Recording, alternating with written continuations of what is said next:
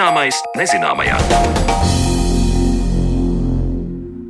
Esiet sveicināti raidījumā Zināmais nezināmajā ar jums kopā. Turpmāko stundu būšu es Sandra Kropa, un šodien mēs pievērsīsimies fizikai un arī astronomijai.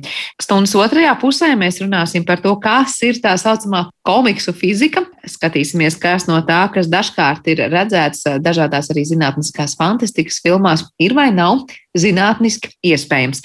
Bet jau pavisam drīz stāsts par to, kā tepat Rīgā veids mērījumus, kas tālāk palīdz pierādīt tumšās matērijas esamību. Eiropas kosmosa aģentūra uzsākusi projektu, kurā mēģina konstatēt tumšās matērijas esamību Zemē tuvējā kosmiskajā telpā. Starptautiskajā eksperimentā iesaistījies arī Latvijas Universitātes astronomijas institūts, kas veic mērījumus no lāzera stācijas Botāniskajā dārzā Rīgā. Vairāk par eksperimentu un izvirzītajām teorijām par tumšo matēriju stāstīs astronomijas institūta direktors Kalvis Salmiņš. Par tumšo matēriju, kā tas termins radās. Novērojumi rādīja, ka, teiksim, zvaigžņu galaktiku kustībā parādās efekts, ka ir kāda mums neredzama masa. Astronomijā tas nav nekāds jaunums. Piemēram, vēsturē zināms, ka Neptūna atklāja pēc novirzēm urāna kustībā. Un pēc tās vienkārši astronomi prasa sarēķināt, un jā, tiešām izrādās jauna planēta, tad tika atklāta Neptūns. Bet tur tā atšķirība ir tā, ka tur bija labi zināma teorija, Ņūtona gravitācijas likums, kur tika izmantota.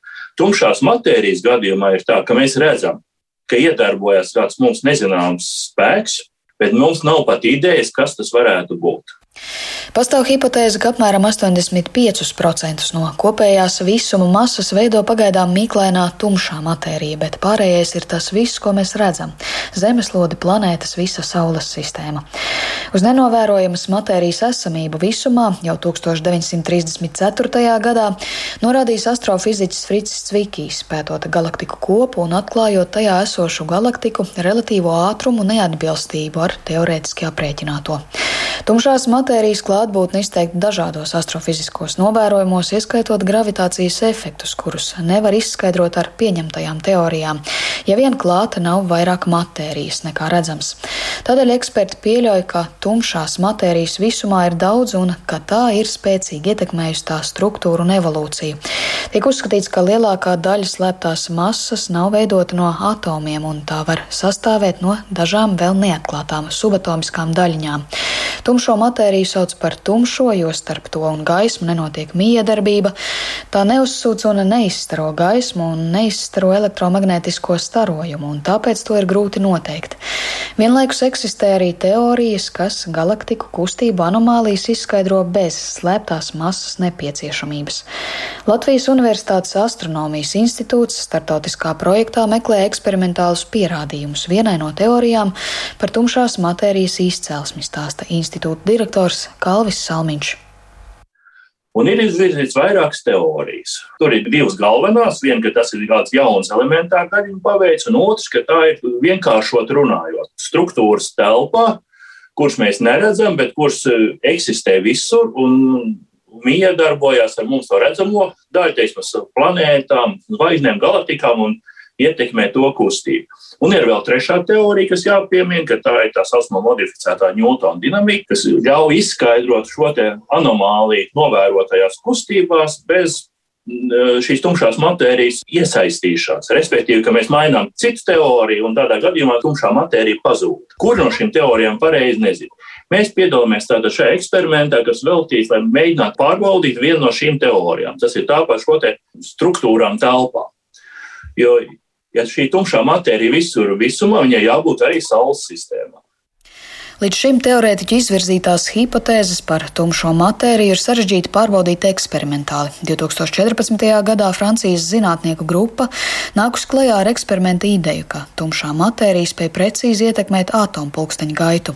Šie pulksteņi atrodas arī uz navigācijas pavadoņiem, kurus pētnieki savukārt izmanto eksperimenta mērījumu veikšanai, lai noteiktu to iespējamo miedarbību ar tumšo matēriju Zemē tuvējā kosmiskajā telpā. Veicot šo pavadoņu lāzeru lokāciju un apvienojot to ar citām mērījumu metodēm, ir iespējams atklāt pat niecīgas novirzes no to paredzētās orbitālās kustības. Un izmantojot šos pulksteņus, tiek rēķināts ļoti precīzi šo pavadoņu orbītas. Un, ja šī miedarbība ar tumšo matēriju, šie pulksteņi ir kā drusciņi nostrādā nepareizi, tā ļoti vienkāršot izsakoties. Tad parādās arī anomālija orbīta. Un lāzera lokācija ir veids, kādā veidā mēs neatkarīgi redzam, kāda šī orbīta ir īstenībā. Un, bet no otras puses, mēs mērām pilnīgi neatkarīgu metodi, kura neietekmē šis efekts. Un, ja salīdzinot, ja mēs redzam, ka parādās tādas sistemātiskas atšķirības, tad vairs no tās secināt, ja, mēs, ja, ja tas tiešām tiks pamanīts, ja, ka jā, tad ir efekts, un tā tad viena no šīm teorijām iespējams ir pareiza. Otrs secinājums var būt, ka ja mēs neko nedetektējam, ka tādā gadījumā vai nu eksperiments nav pietiekami jūtīgs, vai arī šī teorija nu, jāprecizē, vai iespējams arī, ka viņa nav pareiza. Eksperimenta īpatnība ir tā, ka to nevar īstenot vienā valstī vai institūtā, jo no katras observatorijas var redzēt tikai pavadoņa orbītas daļu, bet ir nepieciešams iegūt mērījumus no visām orbītu daļām. Jo šeit eksperimentā tiek izmantot Eiropas kosmiskās navigācijas sistēmas Galileo, kas ir 24 pavadoņi. Un lāzera lokācijas tīkls ir apmēram 40 stacijas, kas izkliedētas pa visu pasauli. Un ideja ir tā, ka mēs, lai varētu pavadonim sekot visu laiku, nepieciešams to darīt no dažādiem zemeslodes punktiem. Un šī eksperimenta ietvaros notiek uh, mēģinājumi sakrāt pēc iespējas lielāku novērojumu skaitu uz izvēlētiem pavadoņiem, uz kuriem atrodas visprecīzākie pulksteņi no šīs sērijas. Un šis eksperiments ir interesants ar to, ka šim eksperimentam nevajadzēja būvēt nekādu jaunu aparatūru. Viss jau ir. Eksistē navigācijas sistēma kosmosā, eksistē infrastruktūra uz Zemes. Jā, šeit ir viss gatavs, un tieši te ir tas skaistums, ka mēs saliekam kopā jau esošu infrastruktūru un varam mēģināt risināt dažas fizikas problēmas, neatrisinātas. Mērījumi Latvijā veikti jau šī gada pirmajos mēnešos. Galvenais lāzera lokācijas stacijas uzdevums, kura atrodas Rīgas botāniskā dārza teritorijā, bija savākt pēc iespējas vairāk mērījumus noteiktiem pavadoņiem, un iegūto datu apjoms atkarīgs arī no laika apstākļiem katrā no stacijas vietām. Mūsu īpatnība tā, ka mēs varam strādāt pie skaidras debesis. Tas nav tā kā radio metode, kas strādā nepārtraukti Tā ir, ja teiksim, kad ir teiksim, tāds mākoņainības periods, tad mēs esam tukšā. Tas dats apjoms, ja, ka mums šeit uz to februāru vidus nav nekā, tagad mums jau tur ir vairāk. Tāpēc jau tās stācijas ir izkliedētas pa visu pasauli, zem griežās un mēs izmantojam tos skaidrās debesu periodus. Pilnībā automatizēt šos mērījumus nevar. Tur ir nepieciešama cilvēka klātbūtne, tad operators vienkārši izpildu novērojumu programmu. Mēs dodam mērījumu rezultātus, tie tiks kombinēti ar citiem projekta noslēgums visticamāk būs paies vismaz kāds pusgads kā minimums, kamēr apstrādās rezultātus. Es teiksim, neesmu pārlieku optimistisks, ka tur būs uh, pozitīvs rezultāts uzreiz. Tas būtu pārāk skaisti. Dzīvē tas tā negadās. Bet katrā ziņā tas norādīs divus ceļus, vai ne? Kā varētu šo eksperimentu uzlabot. Un otrs, vai ne, tad mēs jau varēsim um, uzlikt arī zināmas eksperimentālas robežas. Ja, tas arī fizikā ir daudz. Ja katrā ziņā ir gandarījums, ka mēs to arī nelielu, bet dodam savu artavu, nu, teiksim, kā saka, lielajā zinātnē. Salmiņš papildina, ka saskaņā ar pieminēto struktūru teoriju var iztēloties, ka kosmiskajā telpā eksistē tādas kā lielas šūnas, kuru sieniņas ir tumšā matērija, un šķērsojot šo sienu, atompulkstenis to sajūt, kas attiecīgi ietekmē orbītas aprēķinus. Tumšās matērijas izpēta šobrīd ir viens no aktuālākajiem tematiem astronomijā.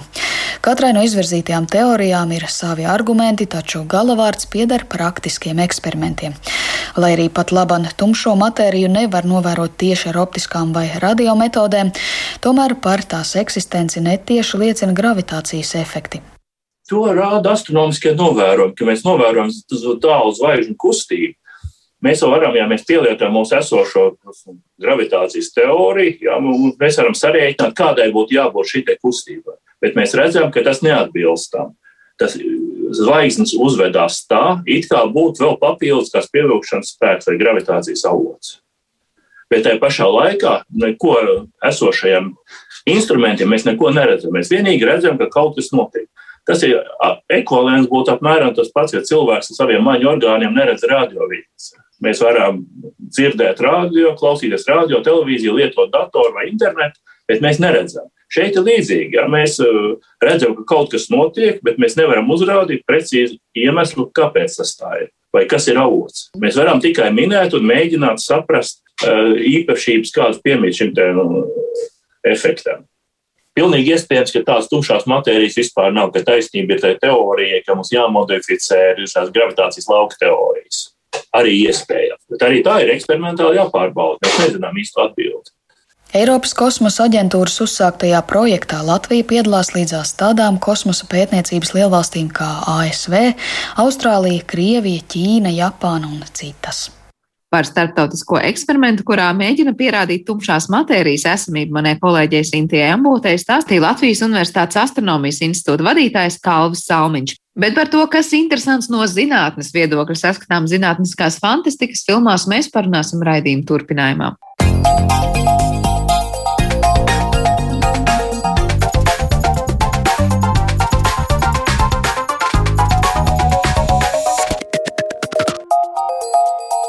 Zināmais nezināmajā. Pērnā gada nogalē mēs raidījumā runājām par to, ka Ziemassvētku vecītis iespējams tik tiešām varētu apciemot tik vienu bērnu, ja viņš darbotos pēc kvantu fizikas likumiem.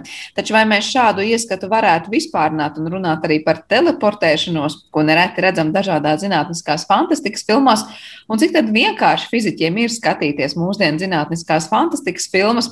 Lai par to visu runātu, mēs uz sarunu mūsu attālinātajā studijā esam aicinājuši Latvijas Universitātes astronomijas institūta pētnieku Ilgunu Vilku un fizikas, matemātikas un optometrijas fakultātes profesoru Vjačeslavu Kašķējo. Labdien jums abiem! Labdien! Labdien. Vispirms sākšu ar jautājumu, vai fizikiem ir viegli skatīties dažādas zinātniskās fantastikas filmas? Kādas varbūt ir tās jūt, jūsu sajūtas, redzot eh, dažādās filmās, mākslas darbos kaut ko, kas, kas liekas, nu būtu jādomā, ir, nav, ir, nav reāli, ir iespējams, nav iespējams. Nu, nezinu, Vjačeslav varbūt sākšu. Jā, nu, nu, tas gan ir subjektīvs jautājums. Fiziķi jau kā cilvēki ir ļoti dažādi. Droši vien tas lielākais izaicinājums ir uh, noticēt mākslas darbam un uh, atbrīvoties. Ja? Uh, tas, ko angļuiski sauc par suspend of disbelief, ja? neticēšanas nu, nobīdī, nobīdīšana malā. Un jāatzīst, man ir ar to problēmas. Es kaut kā automātiski redzu. Uh, tādas neatbilstības vai e, fizikas likumam neplamības. Bet interesanti, ka ir filmas, kuras kaut kādā veidā mani sagatavo tam, ka šī ir īpašā pasaulē, kura darbojas savi likumi, un tie savstarpēji kaut kā ir saskanīgi, un tad jau nav nekādu tādu iekšēju iebildumu pret tā, tur, lāzera zobeniem un, un, un, un domu nodošanu uz attālumu, kas tik ne. Un ir uh, tāds zinātniskās fantastikas žanrs, kur cenšas būt maksimāli realistisks. Un tad vietām tomēr nu, tās, tā, tā realitāte ir jāpaloka, lai māksliniecisko nodomu realizētu. Un, uh, retas ir tās filmas vai, vai, vai, vai, vai grāmatas, kur tas uh, manai gaumē ir izdarīts veiksmīgi, un tad ir tā grūti. Nu, um, es pats esmu zinātniskās fantastikas fans. Daudz uh, šī tipa literatūra lasu vēl ar vienu, ne tikai jaunībā. Un uh, zinātniskās fantastikas filmas man arī patīk. Uh, un, nu, viņas tiešām ir mm, dalāmas tādās arī noteikti kategorijās. Vairāk kā pasakas ar, ar savu nu, likumu pasauli, tā, tā kā zvaigžņu kari, piemēram Un kā tāds galīgais variants ir uh, visādas multiplikācijas filmiņas, kur mēs redzam, ka varonis noskrien uh, no klīns, kādu brīdi pakarājas gaisā un tad tikai nokrīt zemē, piemēram. Tur tas viss uh, ir uh, atbilstoši šim apstākļiem. Uh, nu, um, Bet tieši tā, kā arī Vjačslavs teica, tās filmas ir ļoti dažādas. Piemēram, Interstellar mēs jau pirms šī te reālā melnā cauruma tālā galaktikā apkārtnes attēlu mēs jau redzējām, kā bija modelēta tā gaismas stara kustība ap to melno caurumu. Tur mēs to redzējām diezgan precīzi, jo tās filmas konsultanti bija fiziķi. Savukārt man, piemēram, grūtāk bija skatīties filmu Gravitācija, nu, latviešu viņu iztulko kā, kā gravitāte, kur bija ļoti daudz neiespējamu sakritību, kā galvenā varona spēja izglābties no viena kosmosa kuģa uz otru un pēc tam vēl nokļūt uz Zemes. Man arī tas, protams, reizēm traucē, bet es arī cenšos atslēgties. Bet tad es saprotu, ir dažas lietas tajās filmās, ko mēs varam teikt, nu, tās ir pilnīga neiespējamība un tā visticamāk nekad notikt nevarēs. Un ir kaut kādas lietas, ko mēs varam šajās filmās varbūt redzēt. Un pēc kaut kāda laika saprast, jā, mēs par to nezinu, pārliecinamies, tur zinātniskos atklājumos vai, vai, vai ieraugām. Nu, proti, ka pieņemsim, fiziķis ir tas, kurš ir konsultējis, un, proti, mēs tiešām dzīvē redzam pēc tam tās lietas. Ir tādas uh, filmas, kurās mēs varam teikt, mēs mazliet pirms tam ieraugam kaut ko, par ko vēl zinātnīs atklājumi vēl tikai varbūt sekos. Jā, nu, uh, te, te, te, te ir divējādi. Man kolēģis Ilgonis liekas, ļoti pozitīvi, ļoti spilgtu piemēru ar nesenas tādas maksimāli zinātniskās fantastikas uh, ir nosaucis tajā filmā Interstellar. Vēl, vēl piebilstu, ka te, tas galvenais konsultāts Kips Storns vēlāk saņem Nobel prēmiju par gravitācijas viļņu pētījumiem. Ja? Un, nu, tas, savukārt tas melnā cauruma attēls, kas tika datorgrafikā parādīts filmā, tik tiešām pēc dažiem gadiem tika iegūts reāls, protams, vairāk izplūdes un tāds mazākām detaļām, bet vēlāk tika iegūts melnā cauruma attēls, kas arī bija lielais nesenais zinātnes notikums jau pēc šīs filmas iznākšanas. Lūk, bet tas varbūt tāds singulār, singulārs piemērs, bet kopumā es domāju, ka uh, zinātne kalpo uh, māksliniekiem, un, un, un autoriem un režisoriem par iedvesmas avotu. Ja, tas, uh, tas ir vairāk par to, cik, kur viņi izvēlas to robežu novilkt un ko viņi atklāja no kura, kuras, kuras zinātnes sadaļas viņas iedvesmo. Un te droši vien nu, jāsaka, ka varbūt tas process strādā arī pretējā virzienā. Uh, ir tāds viens uh, jēdziens, kas nācis no zinātniskās fantastikas, ko zinātnieki ir nu, kaut kādā ziņā piesavinājušies, izmantojuši kā tādu ļoti uh, provokatīvu apzīmējumu, ļoti šaurai, specifiskai mikropasaules parādībai. Un šeit es runāju par teleportāciju, kas ir kaut kas tāds, kas uh, ļoti pazīstams jebkuram zinātniskās fantastikas cienītājam, un pat varbūt kādam, kas uh, tik ļoti ar to neaizraujas, bet visi iedomājas, ka kur, kurš nav domājis, cik būtu forši, ka tai vietā, lai ilgstoši transportētos, es varētu iekāpt kādā portālā, mums jau ir gatava terminoloģija no fantastikas, un hops, parādīties, teleportēties uz citu vietu. Ja? Tā kā šis jēdziens un šī ideja par tur, materiāla objekta vai unikāla objekta, vai vairāk to cilvēku attiecinu uz dzīvēm būtnēm, uz ceļu, uz cilvēku pārnešana, tas ir nācis lūk, no šīs te fantastikas pasaules. Un tas ir ienācis kā zinātnisks termins daudz šaurākā specifiskā nozīmē, tad, kad Pētnieki apmēram 80. un 90. gados bija pievērsušies jautājumam par to, eh, nu, tādam paradoksam, kvantu fizikas paradoksam. Viens no kvantu fizikas paradoksiem vai, vai īpašībām ir saistīts ar to, ka uh, nevar veikt patvaļīgi precīzu mērījumu. Mērījums neizbēgami izjauks to, ko mēs izmēram. Un uh, vienas daļiņas precīzo stāvokli ar vienu mērījumu uzzināt nevar. Līdz ar to, ja, man, ja es gribētu, lai man uh, elektrons vai, vai fotons vai uh, elementāra šūna kvantu skaitļotāja atmiņā nonāktu citā vietā, tādā pašā stāvoklī, es nemaz nevaru sacīt, viņu visu apmērīt un parastā klasiskā veidā noraidīt to informāciju saņēmējiem, lai viņš tas sacīt, ieraksta savā, savā atmiņā. Es domāju, šeit varbūt viss tiešākā jau ir uh, šī te tehnoloģiskā analoģija. Ja? Kā var pārkopēt atmiņas saturu no vienas atmiņas šūnas uz citu. Parastajos datoros tas jautājums neprasa nekādus jaunus jēdzienus vai, vai, vai, vai paradoxālas schēmas. Nu, nolasi un ieraksti. Kā reiz uh, mediju kontekstā tas digitālajiem medijiem rada lielas problēmas, jo klasisko informāciju var neierobežot kopēt. Nolasīšana nekādīgi neizjauc to, ko es nolasu. Bet kvantu informācija tas tā nav. Ja? Un tika izgudrots tas, ko sauc tehniskā, korektā nozīmē par kvantu teleportāciju, schēma, kura ļauj kura balstās uz to, ka tiek sagatavotas nu, tādas divas identiskas jā, daļiņas. Tieši tā, tukšas, tukšas matricas. Ja? Divas nesēdaļiņas tiek sagatavotas no, no, no kopīga avota. Viena nosūtīta uz vietu, no, no kurienes mēs gribam raidīt, otra nosūtīta uz vietu, uz kurienes mēs gribam raidīt. Ir jāsāk jau ar tādu nu, tukšu sagatavi. Un tad ir izdomāta schēma, kā es varu paņemt to kvantu elementu, to kvantu bitu, kuru es gribu pārraidīt, un īpašā veidā sakombinēt viņu ar šo sagatavi. Tādā veidā, lai šīs sagataves otrai pusītei uh, nu, būtu identiskas īpašības ar sākotnējo daļu.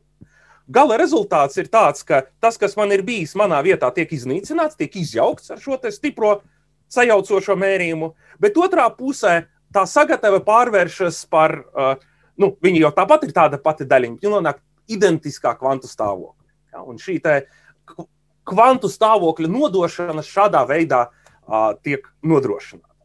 Nu, spriežot pēc tā, cik ilgi un, un sarežģīti es to skaidroju, tas droši vien Bet, neatbilst mūsu gaidām. Jā. Nē, es saprotu tikai to, es to tā ilgu un to droši vien papildinās ar kādu piemēru, bet no Vjačslava teiktā es sapratu tā, ka tad, kad to daļiņu liekas, tu gribētu nu, pārnest, teleportēt uz citu vietu, mm. patiesībā nevis pārnest pašu daļiņu, tu radi viņai, var teikt, nu, identisku, identiskos apstākļos, identiskos stāvokļos, un tā pirmā patiesībā nepastāv. Uh, jā, uh, tur, tur arī blakus ka, katrā studiju kursā, kurā, kurā tiek, tiek mācīts katrā šīs lietas, blakus teleportācijai uzreiz tiek mācīta neklonēšana. Ja?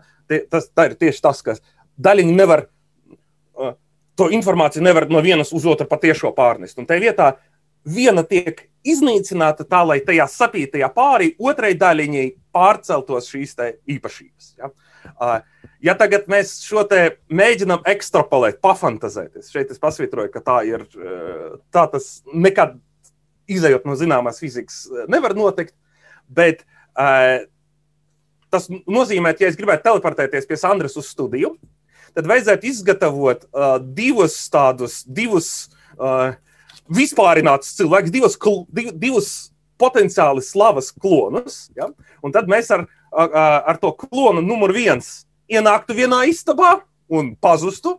Un tad klons, kas stāv Sandras studijā, viņš tādā pēkšņā, maģiskā veidā pārvērstos par mani. Ja? Tas būtu tāds tiešais, makroskopiskais vispārinājums šādai schēmai. Jā, Ilgonim, jā, tas ir lieliski, vai ne? Uh, nu, vienīgais ir tas, ka faktiski jau kvantileportācija, nu, kā jau mēs dzirdējām, ir informācijas pārnešana. Uh, nu, uh, jā, forši, kā ir te, eksperimentos tas ir izdevies. Es pat šo, šorīt apskatījos līdz 1400 km attālumam no Zemes uh, līdz uh, satelītam, kas atrodas uh, kosmosā. Uh, bet uh, arī noteikti jāņem vērā, ka šī informācijas pārnese notiek ar zemgaismas ātrumu. Tā, To mēs nevaram aizsūtīt eh, no vienas vietas uz otru, cik ātri gribam. Un tas attiecas uz kvantu sistēmām, kas ir mikrosistēmas un kas ir eh, atrodas zemā temperatūrā. Līdz ar to tā pārējais to makro ir ļoti sarežģīti. Pirmkārt, tāpēc, ka Vjačeslavā ir ļoti daudz daļiņu, un viņas visas ir ļoti sarežģītās savstarpējās attiecībās. Fantastikā, protams, šī pārējais makro līmeni ir vienkārša pēdiņās. Nu, līdz ar to um, pasapņot mēs varam. Bet, eh, nu, cik es saprotu, nu, nav jau nekāda ideja, kā sarežģītākas uh, sistēmas šādā veidā nolasīt un pārēdīt informāciju par tām. Jā, Bet, es, būt, būt kategoriski, tas nav ideju trūkums, tas ir kategoriski un idejiski nekādi nav attiecināms. Uh, nespēja reproducēt makroskopisku objektu nav ierobežota ar to, ka mēs nevaram viņu nolasīt. Viņu neizjaucot mani pa molekulām, pa atsevišķiem atomiem, nemaz nevar šo stāvokli konstatēt. Pat netuvu, netuvojoties klāt jautājumam par tiem kvantu efektiem un to, ka uh, pietiekami precīzs mērījums izjauc manu stāvu. Mani nevajag izjaukt. Ja?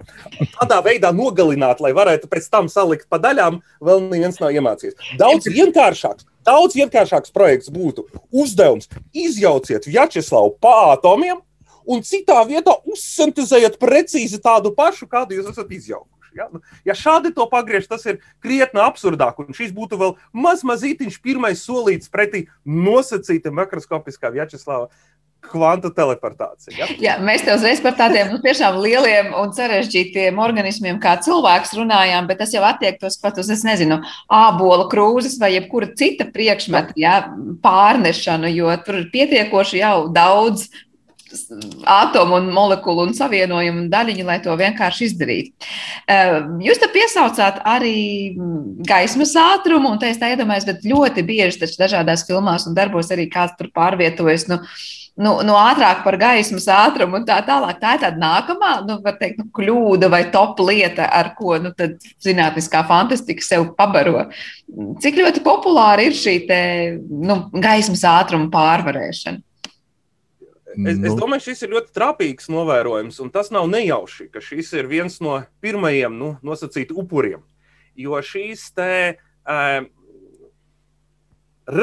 tas, ko fiziķi sauc par relativistisko simetriju, tas uh, dabas likumu universāla saskaņotība, kuru mēs novērojam, no kuru izriet uh, maksimālais izplatīšanas ātrums, kas tas arī nebūtu uh, ierobežojums, to es saukt nu, par tādu galveno kosmisko cietumu, ja, galveno ierobežojošo faktoru, kādēļ uh, tās miedarbības, pie kurām mēs esam ikdienā pieraduši, kur gaismas ātrums mūs īsti neierobežo, uh, nu, protams, ka iztēlē gribas pārnest tur uz visu galaktiku. Ja, bet uh, tas vien, ka cilvēka mūža nepietiek, lai uh, ar maksimālo iespējamo ātrumu kustoties, pat noliekot malā jautājumu, kā to tehniski varētu sasniegt, uh, nepietiktu. Nu, ko nozīmē, nezinu, simts gaismas gadu uh, burbulīts apkārt Zemei? Cilvēka iztēli šajā cietumā nevar ieslodzīt, tāpēc pirmai, viens no pirmajiem upuriem ir šīs te, uh, universālā ātruma ierobežojums, kurš turklāt ir uh, ļoti uh, nu, no, no, no, no zinātniskā viedokļa uh, ļoti cieši saistīts ar cēlonību un uh, neiespējamību ceļot atpakaļ laikā. Patiesībā uh, tā pa, tik dziļa tāda dogmatiskā fizikas pārliecība par nespēju pārvarēt gaismas ātrumu saistīta ne tikai ar to, ka visas līdz šim novērotās parādības to nepārkāp, bet ar to, ka ja vien eksistētu tāds veids, kā es varu pārsūtīt momentānu vai par gaismu daudz ātrāku signālu, tad es varētu izmantot šādu paņēmienu, lai no nākotnes ietekmētu pagātni. Kas atkal ir vesela liela tēma zinātniskai fantastikai, un uh, tas fiz, uh, fiziķi nespēja formulēt konsekventu teoriju vai konsekventus likumus, kuri praksē pārbaudāmi, kas iek, ietver sevi šo ceļošanu laikā. Tas ir tas iemesls, kādēļ šķiet ļoti, ļoti uh, fantastiska un ar, ar mums zināmo fiziku nesavietojama iespēja sūtīt signālus ātrākus par gaismu. Tas ir tāds uh, ideja murskulis, bet gan telpisko, gan uh, barjeru pārsti, uh, pārvarēšana, gan laika barjeras un pat laika virziena apgriešana. Nu, šīs ir ļoti, man liekas, auglīgas tēmas, uh, fantāzija un tā skaitā zinātniskai fantastikai. Jā, paldies, Ilgun! Nu jā, abas lietas tiešām ir ļoti cieši saistītas. Fantastikā tas viss ir vienkāršāk. Ir izgudroti pēdiņās visādi virsgaismas dzinēji, vai arī bieži vien kustība nociek caur hipertelpu. Un tad varbūt jāpiemina noteikti arī tārpējas Bet es gribēju pieminēt, ir tāda ideja vispārīgās relativitātes teorijas ietvaros Alkubjēra dzinējs, kā izveidot lokāli tādu laiktelpas burbuli, kurā to telpu izliekt īpatnējā veidā, tā kā šajā te, šis burbulis varētu vai burbulis, vai pašā burbulī iekšā kosmiskais aparāts varētu pārvietoties ar to virsgaismas ātrumu. Tas it kā ir iespējams vispārīgās relativitātes teorijas ietvaros, bet vienmēr ir tā, ka lietas pamato vai nu vispārīga relativitātes teorija vai kvanteorija, bet parasti viena ar otru um, viena otrai uzliek ierobežojumus. Tā varbūt teiksim. Vjaclavs pakomentēs. Uh, bet ar to alkubieru dzinēju jau pat tīri teorētiski ir uh, šausmīgi daudz problēmu. Tur ir tā kā telpā nosacīt jāizliek sliedes pa priekšu uz to zvaigzni, ko gribam lidot. Nav saprotams, kā tādu burbuli izveidot, kā, viņa, kā no viņa izkļūt ārā, kā viņu iespējams vadīt un uh, tā joprojām. Jā, Česlav, laikam ir ko komentēt. Jā, jā, jā, tieši tā, tas tādu fanātiķu vidū pazīstami al Alkubiera dzinējs un, un tārpējs. Te droši vien ļoti svarīgi saprast, un, un, un, un te tiek saukti kā tādi nu, zinātniski iespējami, varbūt tajā virzienā kaut ko darot. Abus, abi, abi divi tik tiešām precīzi, kā Ilgons ir pateicis, ir uh, iespējamie vispārīgās relativitātes teorijas vienādojuma atrisinājumi pie nosacījuma, ka eksistē pilnīgi neiespējamās matērijas, ja, pie, pie fantastiskiem pieņēmumiem. Jā, jā, pie fantastiskiem pieņēmumiem, kas ir pilnīgi absurdi un savā ziņā tikpat fantastiski, kā viss, ko mēs esam nosprieduši iepriekš. iepriekš. Paši par, paši par sevi šo atrisinājumu pētīšanai ir vērtība, tas attīsta mūsu izpratni par vispār relativitātes teoriju un, un, un matemātiskajām metodēm, bet nekādu realistisku ceļu uz šo ideju realizēšanu vai, vai pat nekāda pamata uzskatīt, ka šie objekti dabā pastāv vai kā citādi būtu izveidojuši, nav atrodama. Bet atkal cilvēku prātam nevar liekt vingrināties, un šī ir viena no dimensijām, kur attiecīgie prāti to noteikti darīs tādējādi mūsu kopējo pieredzi bagātinot. Nu jā, tārpe, tārpēja, kuras izgatavošanai būtu vajadzīga negatīvā masa, ka, kur iedziena nu, mūsdienu fizikā uh, nav. Um, ļautu dot iespēju, kā vēl viens veids, kā nokļūt uh, no telpas punkta A, punktā B, uh, neceļojot klasiskā veidā cauri visumam, bet uh, nonākot no viena tārpēza gala uzreiz otrā galā, izējot tai, tai cauri. Un ar šīm tārpējām ir arī saistīta arī tā potenciālā ceļošana atpakaļ pagātnē, laika mašīna pagātnē. Un Vjačslavs jau, jau skaidroja, kādus, nu, kādi ierobežojumi šeit ir un ka, kāpēc tas nav iespējams. Bet interesanti lieta par ceļošanu nākotnē, vismaz um, nu, konkrētai, konkrētam objektam, konkrētā atskaites sistēmā. Tā, to mēs redzējām kaut vai, piemēram, tajā pašā starp, starpzvaigžņu filmā Interstellar, kur cilvēki pavadīja melnā cauruma tūmā, lielas gravitācijas laukā kādu noteiktu laiku, un viņiem tas laiks nu, pagāja ātri, un savukārt ārējiem novērotājiem izrādījās, ka ir, viņi atgriezās tikai pēc vairākiem mēnešiem. Tas ir reāli, principā. Tikai, nu, kur dabūt uh, melno caurumu šim, šim nē, nē, es, uzgodu, es iebildīšu, tas nav reāli tikai principā, tas ir neizbēgami. Tas, kas ir reāls, tas ir neizbēgams. Jautājums tikai par efekta lielumu. Ja? Kad kad nav pandēmija un cilvēki lido, ja, viņi jau arī pamanās mazliet aiz, aiziet uz nākotni. Ko nozīmē man aizceļot uz nākotni? Tas nozīmē tikai mazliet apdzīt pārējos, ja, pārējo pasauli. Nu, tā kā uh, mazliet ātrāk uz to, uz to priekšu pavirzīties. Un tas ir precīzi tas, kas notiek, un tas ir fizikāls izmērams efekts. Uh, kā ja tu, kamēr tu lido lidmašīnā, tev laiks lidos ritēs lēnāk nekā uh, tavam dzīvesbiedram, kurš ir palicis mājās. Un, kad atgriezies, tu attiecībā pret viņu esi uz nākotni sasniedz mazliet ātrāk, tas ir mazliet jaunāks par to, kas ir palicis mājās. Tas ir slavenais dviņu paradoks. Nu, klasiski Einsteina laikā tas tika izterzēts tieši uz dviņiem, kā viens dvīnis var kļūt vecāks par otru, ja viens sēž mājās un otrs daudz un ātri ceļo. Ja? Bet, protams, nu, lai, lai tas radītu tādus vērā ņemamus efektus, nu, tāda tik ātras ceļošanas tehnoloģija nav mums vēl gluži pieejama. Bet uh, tā gan nav fantastika, tas patiesībā ir absolūti neatņemama sastāvdaļa no uh, tās pašas globālās pozicionēšanas sistēmas, pateicoties kurai mums ir vi visur pieejama navigācija. GPS pavadoņos ir ļoti precīzi atompulksteņi, un ja neņem vērā šo viņu efektu, tad nekāds GPS kā principā nav iespējams. Tas viss ir, tie, tie visi vienādojumi ir ieprogrammēti katrā telefonā, kurā ir, ir GPS devējs. Tā kā kaut kādā līmenī mēs ar to sastopamies, bet, protams, ja mēs iedomājamies par tādu nu, izteiktu sevis nolikšanu citā vietā un atgriešanos varbūt pēc kāda laika un nenovecojot nemaz vai kā citādi, tas vēl, protams, ir uh, cita lieta, par ko mēs runājam. Bet, Jačslav, es zinu, ka tad, kad uh, lūdzām izteikties nu, par šo te teleportēšanos un citām lietām, ko mēs redzam dažādās fantastikas filmās, Tu teici, nu, tā ir tāda komiksa fizika. Kas ir šī komiksa fizika? Un vai tas ir tāds atsevišķs, pašpasludināts termins, vai tā tiešām par to runā? Nu, tas ir iespējas, kāda man atstāja tādas, tāds filmu žanrs, kuri balstīti uz noteiktiem supervaroņiem, cik es saprotu, mākslinieciski tie sākotnēji attīstījušies stāsti komiksos, un tad uz to bāzi tiek uzņemta filmas. Tur no, no Batmana un Supermana līdz Avengeriem un, un, un kā vēl viņus tur sauc. Ja?